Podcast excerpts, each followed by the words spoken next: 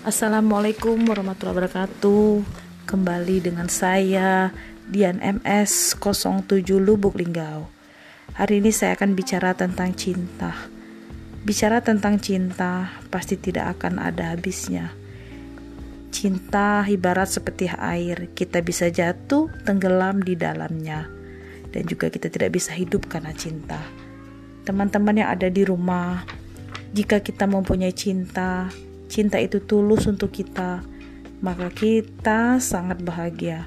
Tapi jika cinta itu membuat kita terpuruk atau membuat kita terjatuh, maka kita akan berusaha untuk menjauhi yang namanya cinta. Tapi kita tetap semangat untuk mencari yang namanya cinta yang tulus dan cinta yang namanya sejati.